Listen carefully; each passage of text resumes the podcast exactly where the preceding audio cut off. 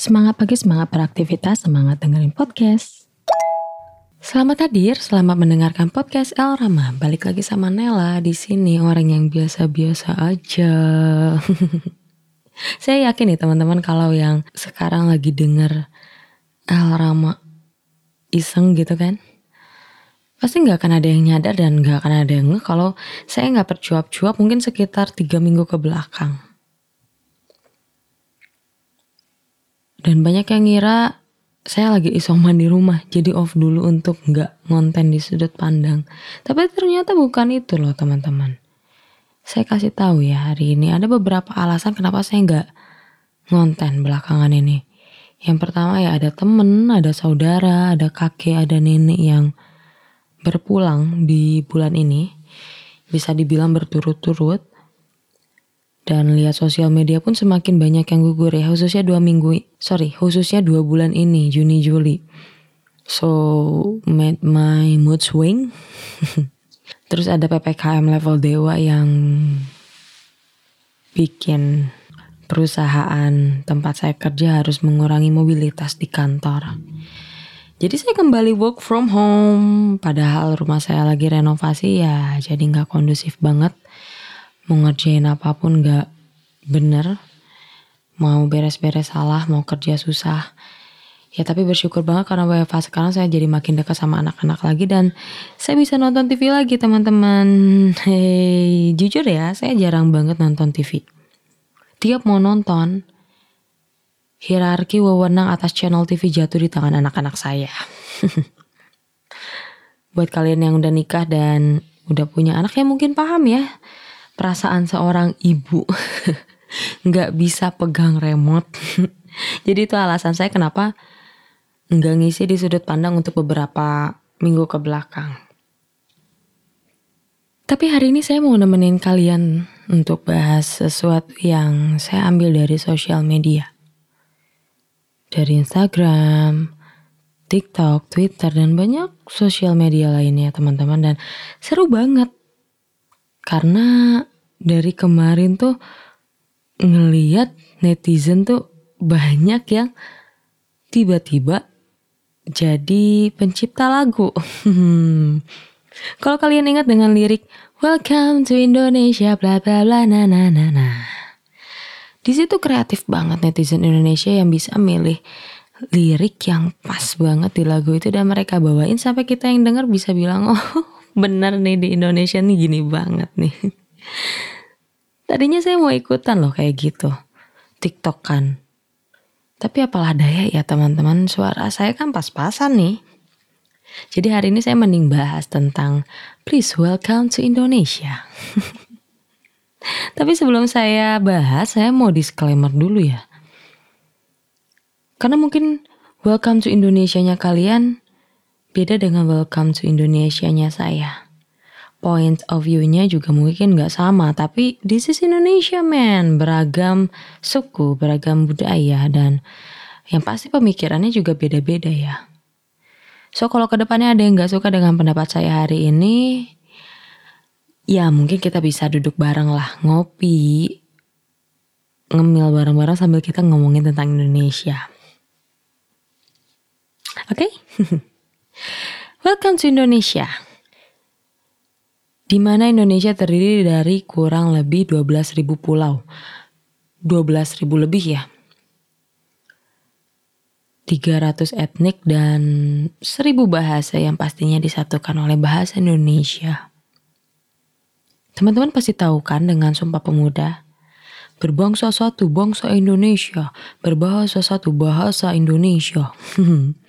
Tanah Nusantara diciptakan dengan indah banget, Tanahnya subur, lautnya luas, gunungnya tinggi, dan siapa yang gak betah tinggal di Indonesia teman-teman? Nanam padi jadi tinggal makan, ternak sapi jadi, banyak sayur, banyak rempah-rempah. Bahkan beberapa ratus tahun yang lalu, orang sono tuh datang ke Indonesia. Mereka sadar Indonesia sangat kaya, mereka tahu tanah Indonesia sangat berpotensi. Sampai mereka punya keinginan, ya udah deh, gue jadiin Indonesia tuh jadi negara kekuasaan gue. Akhirnya mereka menjajah Indonesia. Dan sekarang kalian nyanyi lagu Welcome to Indonesia seolah-olah Indonesia tuh nggak baik-baik aja. Hey, teman-teman, gak mungkin Indonesia nggak baik-baik aja. Sebenarnya kalian kenal gak sih Indonesia? Kalian tahu gak sih Indonesia tuh kayak apa sebetulnya? Ayo kita sama-sama berpikir, Indonesia tuh teman-teman dibuat berdasarkan butir-butir Pancasila. Ketuhanan yang Maha Esa ada di sila pertama. Ketuhanan yang Maha Esa yang artinya bangsa Indonesia bebas menganut agama dan menjalankan ibadah yang sesuai dengan ajaran agamanya. Correct me if I'm wrong ya. Itu Indonesia yang sesungguhnya dan saya rasa nggak mungkin di Indonesia ada gereja dibom, masjid dibakar. Gak mungkin teman-teman.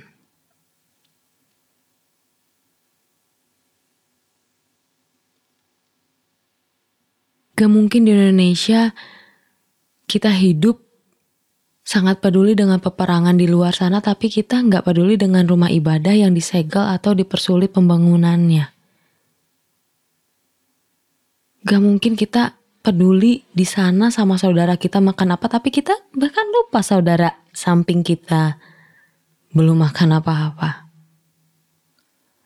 Yang saya tahu Indonesia berdiri dengan dasar kemanusiaan yang adil dan beradab ya teman-teman. Yang saya tahu Indonesia hidup dengan karakter, dan sikap yang bermoral, berbudi, berhati nurani selayaknya manusia. Jadi di Indonesia gak mungkin ada kasus bully. Di Indonesia gak mungkin ada manusia yang tidak memanusiakan manusia lainnya.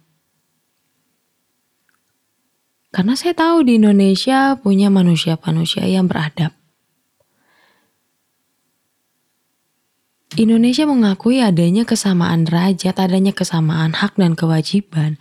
Jadi di Indonesia nggak akan pernah ada cerita kalau rakyatnya berhak mati kelaparan, teman-teman. Di Indonesia nggak akan ada cerita orang miskin berhak meninggal di lobi rumah sakit. Dan didimin sama pihak rumah sakit karena nggak ada uang untuk nutupin administrasi. Indonesia dengan adil dan beradabnya pasti mementingkan kepentingan umum dulu baru kepentingan pribadi toh. Jadi di Indonesia nggak akan ada kasus korupsi yang hanya mengenyangkan perut-perut orang berdasi. Nggak akan ada kasus semacam Jiwasraya, Bank Senturi, Pelindo, BLBI, KTP, Hambalang, dan kasus-kasus lain yang menyebabkan negara rugi, yang menyebabkan yang kaya makin kaya, yang miskin makin melarat.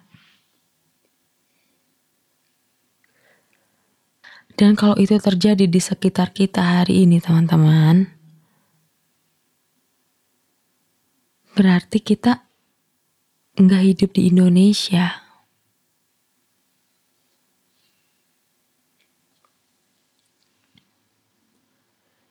Bineka Tunggal Ika berbeda-beda tapi tetap satu. Indonesia multikultural. Banyak rasnya, banyak budayanya, suku. Tapi karena Indonesia menjunjung tinggi persatuan, gak mungkin ada sikap, ada sifat rasisme di Indonesia. Kulit putih, kulit berwarna sama Rambut keriting, rambut lurus sama. Indonesia dengan kesatuannya, dengan persatuannya pasti punya rasa toleransi yang tinggi. Jadi nggak akan ada cerita diusir tetangga gara-gara positif COVID-19.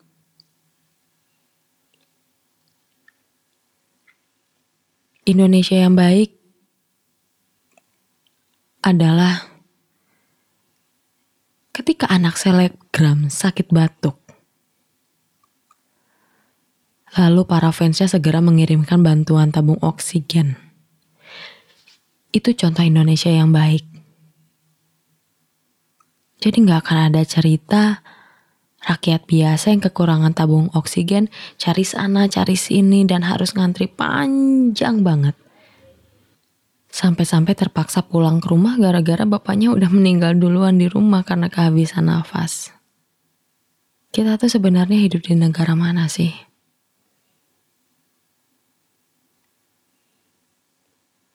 Indonesia itu negara demokrasi loh. Sangat demokratis, di mana pemimpinnya dipilih oleh rakyat. Suara pemerintahannya adalah suara rakyat kan? Jadi nggak akan ada cerita ketika rakyat bersuara, tiba-tiba akunnya disuspend. Dan gak akan ada cerita pemimpin yang meminta rakyatnya bersuara tapi di saat yang bersamaan menciduk bebas orang yang berani mengkritik pemerintah dengan dalil undang-undang. Di Indonesia mah gak ada macam-macam begitu teman-teman. Di Indonesia tanpa diminta pun akan terus mendengarkan suara hati rakyatnya. Teriakan bangsa-bangsanya.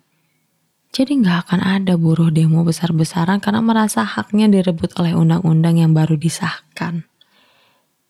Itu nggak ada di Indonesia. Di Indonesia nggak akan ada acara mangkir dari rapat sidang atau tidur siang bersamaan di ruang sidang wakil rakyat. Tapi yang pasti tuh di Indonesia para pemimpin akan duduk bersama-sama dengan wakil rakyat mencari solusi untuk semua persoalan pelik yang terjadi di tengah rakyatnya. Indonesia negara yang adil untuk semua bangsanya, teman-teman. Hukum di Indonesia akan secara rata, nggak pernah pandang strata sosial. Jadi kalau nenek mencuri tiga kakao pasti dihukum. Begitu juga dengan apa jaksa jaksa aduh saya lupa tuh namanya tapi silahkan cari sendiri ini si jaksa juga dapat hukuman atas kasus suap. Dan karena dia harus mengurus anaknya yang masih kecil, maka hukumannya dikurangi. Adil dong. Si nenek kan gak punya anak kecil yang harus diurus. Kalau si itu, siapa jaksa itu, sorry ya saya lupa namanya. Dia punya anak yang harus diurus jadi adil kalau hukumannya diturunin. Gak pakai acara kasasi langsung ketok palu. adil kan? Hukum di Indonesia juga kayak lambangnya dua timbangan yang sama. Gak pernah tumpul ke atas, gak pernah tajam ke bawah. Hukum di Indonesia ya teman-teman. Yang benar yang akan diputuskan oleh hakim. Bukan apa yang diputuskan hakim itu yang benar. Jadi di Indonesia sangat adil dan sosial. Saking adilnya pejabat juga harus dibuatkan rumah sakit khusus. Adil dong, kalau warga biasa uangnya sedikit kalau mau beli obat ngantri dong. Kalau pejabat karena harus dijaga baik-baik demi negara jadi obatnya harus diantar langsung ke mukanya. Adil kan? Memang rakyat biasa punya uang berapa sih sampai bisa bikin rumah sakit khusus rakyat? Saking adilnya anak pejabat nggak apa-apa pergi jalan-jalan ke luar negeri. Nikah dirayain gede-gedean walau kondisinya katanya lagi darurat COVID-19. Adil dong. Emangnya rakyat biasa bisa pergi ke mana? Uh, PPKM diperpanjang, beli bensin aja susah minta ikut-ikut ke luar negeri. Tahu diri dong, kalau kita nggak punya apa-apa diam aja di rumah.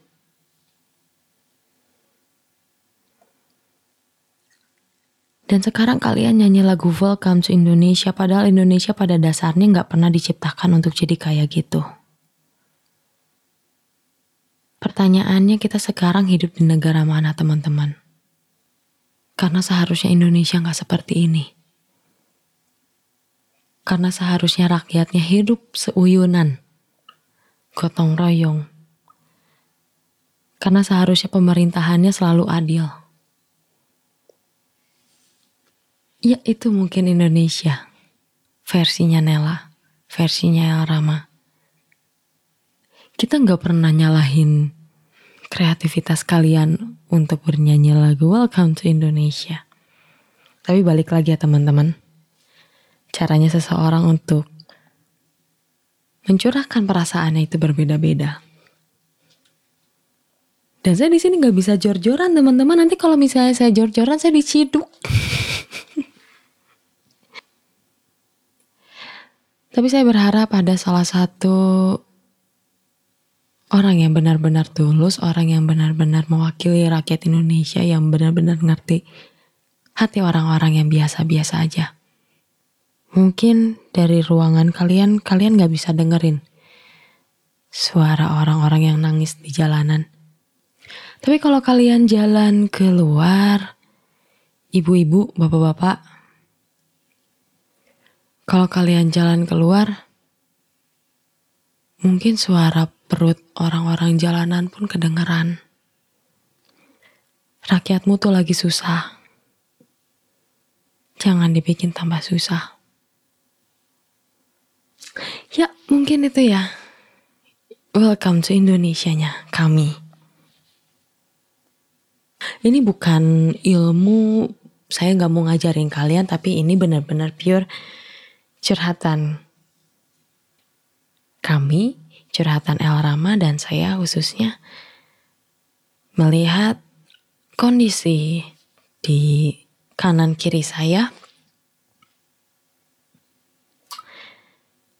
dan saya udah gak bisa nyanyi lagu Welcome to Indonesia.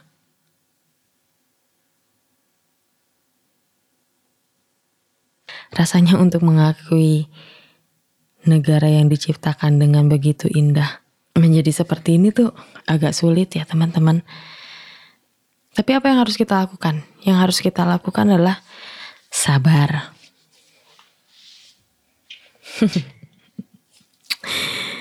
Oke, okay, mungkin hari ini segitu aja dari saya setelah beberapa minggu gak ketemu. Dan hari ini singkat sekali ya teman-teman. Tapi thank you kalau misalnya kalian udah mau dengerin saya hari ini. Tetap terus dengerin Rama.